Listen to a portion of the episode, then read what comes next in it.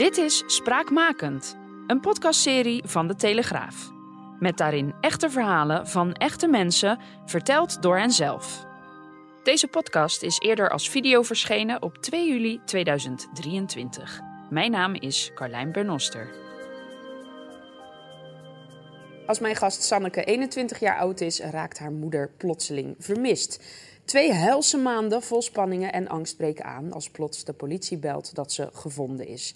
Ze doen een gruwelijke mededeling. Haar moeder is doodgevonden in de kofferbak van haar vader. Ja, Sanneke, echt ontzettend moedig dat je hier, uh, dat je hier bent. Welkom. Um, je hebt over dit alles een, een boek geschreven. Um, dit gebeurt alleen in films. Daar gaan we het zo over hebben. Maar eerst, ja, kun je even teruggaan naar ja, de dag dat je moeder vermist raakte? Hoe was dat? Ja, dat was in 2006, uh, dus dat is alweer een tijdje geleden. Ja. Uh, op 1 juli was de dag dat ik thuis kwam en er eigenlijk achter kwam dat mijn moeder er niet was. Dat is eigenlijk precies 17 jaar geleden. Ja. In mijn hoofd. Ja. Ja. ja. ja. Um, ik probeerde haar te bereiken. Ik had haar uh, sms'jes gestuurd. Dat was toen nog in die tijd. Ja, ja. sms'jes. Maar ik, uh, nee, geen, geen spoor, geen geluid van haar. Nee. Had je dan nog het idee van uh, misschien is ze daar of misschien is ze daar? Of ga je dan ook zoeken bijvoorbeeld? Nou, ze, ze had best een druk sociaal leven. Ja? Ze was heel energiekvol, heel jeugdig en had heel veel eigen sociale contacten.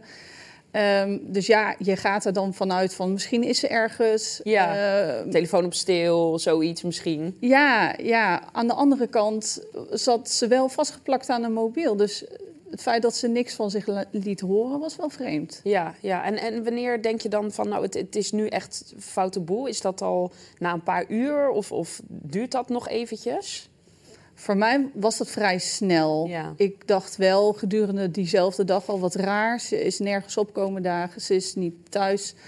Um, afspraken gedurende de week die stonden in haar agenda. Dat was niet opkomen dagen. Ja, dat is vreemd. Hoe ja. langer dat duurt, hoe, hoe ja, vreemder het werd. Ja. Maar vrij snel in het begin had ik al zoiets, dit, dit, dit klopt niet. Nee, precies. En, en dan uh, ga je dan gelijk naar de politie? Of wat, wat, ja, wat, wat doe je dan? Ja, dat is ook voor de eerste keer dat ja. je zelf, zoiets zelf meemaakt. Hè? Uh, vermissingen hoorde ik toen ook alleen maar vanuit televisie. Precies. Maar mijn beeld was wel, oké, okay, ze is vermist, dit klopt niet. Uh, dus naar de politie gaan om uh, aangifte van vermissing te doen. Ja, en dat was na hoeveel uur? Dat was pas na een week. En dat had te maken met dat mijn vader wilde wachten met aangifte ja. doen hij dacht, ja, uh, ze heeft zo haar eigen leven. Um, wellicht uh, is ze met vrienden ergens naartoe gegaan. Ik was het daar niet mee eens. Nee. Maar ik was 21, hij was mijn vader. Ja. Uh, dus ik wachtte af. En op het moment dat we samen aangifte zouden doen, bleek dat hij dat zelf al had gedaan. Ja, dat is inderdaad best wel. Best wel ja, gedroeg hij zich dan ook al anders bijvoorbeeld? Dat, ik bedoel, ja. Ja, dat is lastig te zeggen, want mijn ouders die stonden op het punt om te gaan scheiden met elkaar. Dus mijn moeder had Santiago de Compostela gelopen een aantal weken daarvoor. Um, eigenlijk voor haar meer om een zoektocht van, kan ik de knoop doorhakken? Ja. Um, nou, zij kon dat. Um, en ja, ze hadden al een beetje zo eigen levens en een eigen agenda allebei. Dus in het kader daarvan kan die week ook nog wel een soort van logisch zijn geweest. Snap ik ook wel dat je dat aanneemt. Ja, je gaat toch dingen lopen bedenken. In mijn ogen destijds, ik zie dat nu wel anders, maar ik dacht, zit ze in een soort van midlife crisis. Ja, ja. Uh, ze was zo bezig om de eigen weg te volgen. Dus uh, dat gecombineerd met je probeert toch vast te houden aan positieve. Uh, ja, tuurlijk. Ja, je denkt niet dat er iets meteen heel ergs gebeurd is. Althans, Nee. dat hoop je van niet. Nee, dat is vooral denk ik ook die hoop die, waar je ook een beetje aan vast wil houden. Ook al borrelt er ergens van binnen iets waarvan je weet, eh, ja, het klopt niet. Dat, Precies, ja. ja, precies Ja, dat. ja. En na, na twee maanden krijg je dan een, een afschuwelijk telefoontje van de politie. Kan je dat nog... Ja, ik denk dat je dat nog als de dag van gisteren weet. Ja, Ja, eh, wij zaten, ik en mijn eh, toenmalige vriend zaten in Barcelona. En dat eh, was voor een weekendje puur om alles te ontsnappen in Nederland. En ons toch weer een beetje, ja, als het ware een beetje normaal weer te kunnen voelen. ja, in hoeverre dat dan ook nog gaat inderdaad. In hoeverre Ja. dat dan kan, maar wel wat afleiding gevonden. En wij hadden net een hele leuke avond achter de rug. We hadden leuke mensen leren kennen. We waren terug in de hotelkamer. En ik was van tevoren, had ik besloten om mijn mobiel eigenlijk niet mee te nemen. Had ik toch gedaan. Maar toen dacht ik, ik zet hem uit, want ik wilde gewoon echt tot rust komen. Ja. En die avond had ik, nacht eigenlijk, had ik heel erg de drang om mijn mobiel toch aan te zetten. Toen kwamen er allemaal plingelgeluiden uitzetten eh, van gemiste oproepen, voicemailberichten. Die ben ik toen gaan afluisteren. En toen voelde ik al in mezelf, er, er klopt iets niet. Nee, precies. Ehm, en toen, ja, toen eh, stond er ook een berichtje van de recherche op de voicemail met verzoek wil je terugbellen.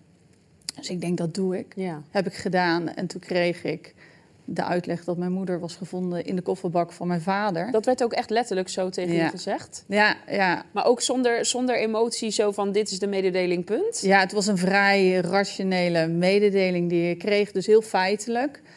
Eh, eh, dus ze is gevonden in de kofferbak van je vader, terwijl die eh, op de snelweg in Duitsland reed. Ja, Zo. Maar wat gaat er dan door je heen?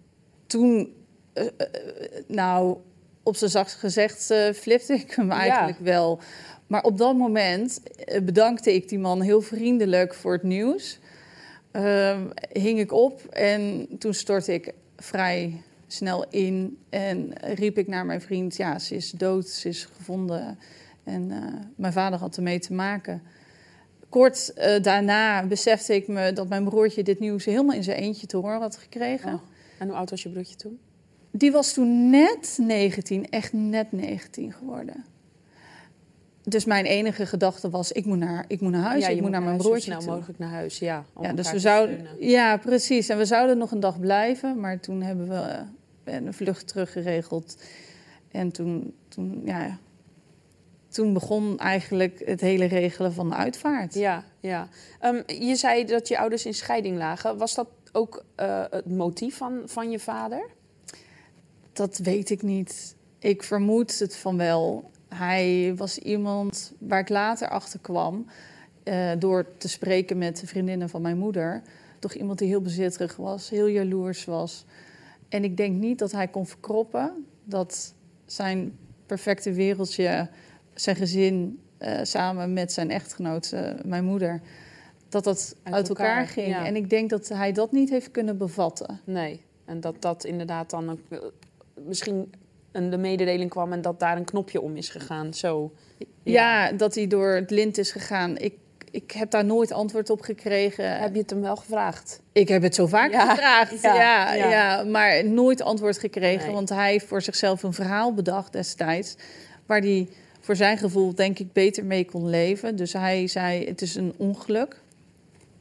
Nou ja, naarmate de rechtszaken vorderden... was wel duidelijk dat dat niet het geval was. Nee, nee, En toen dacht ik, ja, ik ga hier toch nooit antwoord op krijgen. Dus daar ga ik ook niet aan vasthouden. nee. Daar, daar word ik ook niet Nee, vrolijker van. niet- nee, precies. In de media wordt het dan de Udense eh, kofferbakmoord eh, genoemd. Dat Ja. lijkt me ook best wel heftig, dat het zo een stempel krijgt. Ja, dat was het ook. Ik vond destijds het heel moeilijk om met de media om te gaan. Je bent op het kwetsbaarste moment van je leven. Je bent ook nog heel jong. Ja. En iedereen wil met je, met je spreken, iedereen wil wat van je, denk ik. Ja. iedereen wil weten hoe het in elkaar steekt. Of hoe zat het huwelijk van je ouders in elkaar. En op dat Eigenlijk moment... een klein beetje wat wij nu ook doen. Maar goed, nu is het 17 jaar later. Het is anders. Ja. Je, je bent minder in die hoge emotie. Je bent minder kwetsbaar. Ik sta heel stevig in mijn schoenen. Ehm, dus ik kan daar nu goed over praten. Ook met een reden, omdat ik denk... Ik heb een boodschap te vertellen. Ja. Eh, het is een reden waarom ik het heb uitgebracht. Maar destijds vond ik dat heel erg moeilijk. Want mijn moeder was niet haar moord. Mijn moeder was zoveel meer dan ja, dat. tuurlijk. Ja. was een sprankelende vrouw. Dat was niet iets wat je. hoe ik haar wil onthouden. Of Nee. hoe ik haar. Ja, haar wens dat zij zo bekend wordt. nee, tuurlijk Nederland? niet. Zij Nee. was veel meer dan, dan hoe ze is overleden. Ja, ja. Ja. En dan ben je dus aan het rouwen omdat je je moeder kwijt bent. Maar eigenlijk moet je ook in de rouw, want je vader eh, zit ook in de cel. Dus je bent eigenlijk in één klap twee ouders ben je, ben je verloren. Ja, dat was heel intens. Daarmee was het fundament wat ik kende in één klap weg. Ja, En toen ik terugkwam van Barcelona, was hij er dus ook niet. Dus wij zaten alleen in dat grote huis. Ik had nog een kamer in Eindhoven, maar mijn broertje woonde thuis. thuis. Ja. Dus ik heb, uh, ben vooral in de regelmodus terechtgekomen. Er moest heel veel geregeld worden rondom financiën. Ze hadden bedrijven, een uitvaart, uh, nieuw onderkomen voor mij en mijn broertje. Want in dat Ja, huis, Daar wil je niet meer blijven. dat voelde gewoon niet goed. Nee. Uh, dus ik ben heel erg in de regelmodus gegaan. En tussendoor probeer je het een plekje te geven. In zoverre dat kan. Hè. Wanneer heb je het nou echt een plekje Ja, gegeven? ja. Maar ja, ik denk dat die rationele regelmodus bij mij vrij snel aan is gegaan. Ja, ja, je wordt eigenlijk een beetje geleefd ook op zo'n moment, denk ik. dat is Ja. ook zo. Ja, ja, ja. Ehm, heb je het je vader vergeven? Want hij is in 2015 in- uit mijn hoofd overleden, ook aan een hartstilstand in de gevangenis. Ja. Heb je het hem vergeven? Ja, al vrij snel, denk ik. En dat had meer te maken met het feit dat ik niet wil vasthouden aan een hoop negatieve energie Nee. qua woede en boosheid. Ik heb echt wel periodes gehad dat ik ontzettend boos ben geweest. Ik vind het wel Eh, heel knap hoor. Ja, ik weet het niet. Weet je, voor mij was het op dat moment doen waar jij je goed bij voelt. Ja. En ik realiseerde me al snel dat je emoties ook zelf in stand houdt. eh, door maar boos te blijven, door maar vast te houden aan vragen waar je geen antwoord op eh, kreeg. En die worsteling beschrijf ik vrij uitgebreid in mijn boek. Hè. Ja. Zo makkelijk was het zeker niet. Maar mijn vader, ik hield er ook van. Het Ja, is niet zo dat hij, in de ogen van heel veel mensen was hij natuurlijk een monster. Maar in mijn ogen, en voor mijn gevoel, was hij ook mijn vader. Ja, En ik denk dat ik vanuit daar een modus heb gevonden met hem om ook contact te houden, los van alle regelzaken waar ik hem ook bij nodig had.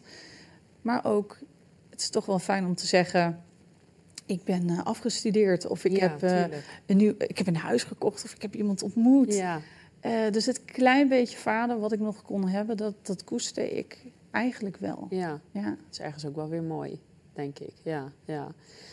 Ik, ik ga nog een keer de titel van het boek noemen. Dit gebeurt alleen in films. Waarom heb je het boek geschreven? Is het ook een stuk verwerking geweest voor je?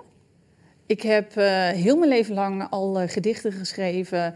Eh, als ik op vakantie ging, had ik een boekje bij. Ging ik ook schrijven wat we deden. Dus schrijven zat al best wel in mijn systeem.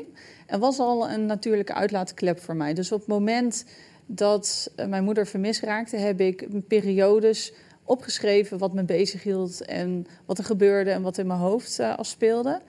En ik heb vrij snel het idee gehad van... ik wil dit eens een keer van A tot Z helemaal op papier zetten... Dus ik heb daar drie jaar geleden pas echt werk van eh, kunnen maken. Ik heb periodes gehad dat ik heb geschreven. Maar drie jaar geleden dacht ik, nu moet ik echt dit project... wat ik in mijn hoofd had al heel lang een keer afmaken. Ja, Voor mezelf, om het ooit weer eens een keer terug te lezen. Om het een keer goed te doorleven. Dat wilde ik heel graag. Confrontatie werkt bij mij goed. Dus geconfronteerd worden met die periode van toen. Mhm. Maar ook, ik heb twee jonge kinderen. En hoe vertel ik dit verhaal aan mijn Ja. kinderen ooit? ja, ja. En toen ik het op papier had gezet, besefte ik mij dat ik ook best wel wat heb gedaan om één been in het normale leven te hebben en, en iets leuks te maken van het leven. ja. En dat je een keuze hebt om er iets moois van te Ja. maken. En dat ik veel meer ben dan mijn eigen rugzak. En dat is ook de boodschap, denk ik, waar je het net over, he- Ja. over had. Dat dat de boodschap is die je wil uitdragen. Ja, als ik ehm, al een handjevol mensen kan inspireren met eigenlijk de zwaarte van dit verhaal en kan laten zien, ongeacht wat op je pad komt. Zelfs ik eh, ben er op een bepaalde manier doorheen gegaan Ja. en ik ben er go- goed uitgekomen. Dat kan jij ook en dat gun ik iedereen. Dus vandaar dat ik me ook kwetsbaar opstel en het verhaal heel vanuit mezelf en mijn eigen perspectief heb opgeschreven zoals ik het heb meegemaakt en wat ik eruit heb gehaald en wat ik eruit heb geleerd. Prachtig, mooi. Dank je wel. Ja, graag gedaan. Wil je meer spraakmakende verhalen horen? Abonneer je via je favoriete podcast-app, zodat je nooit meer een aflevering hoeft te missen.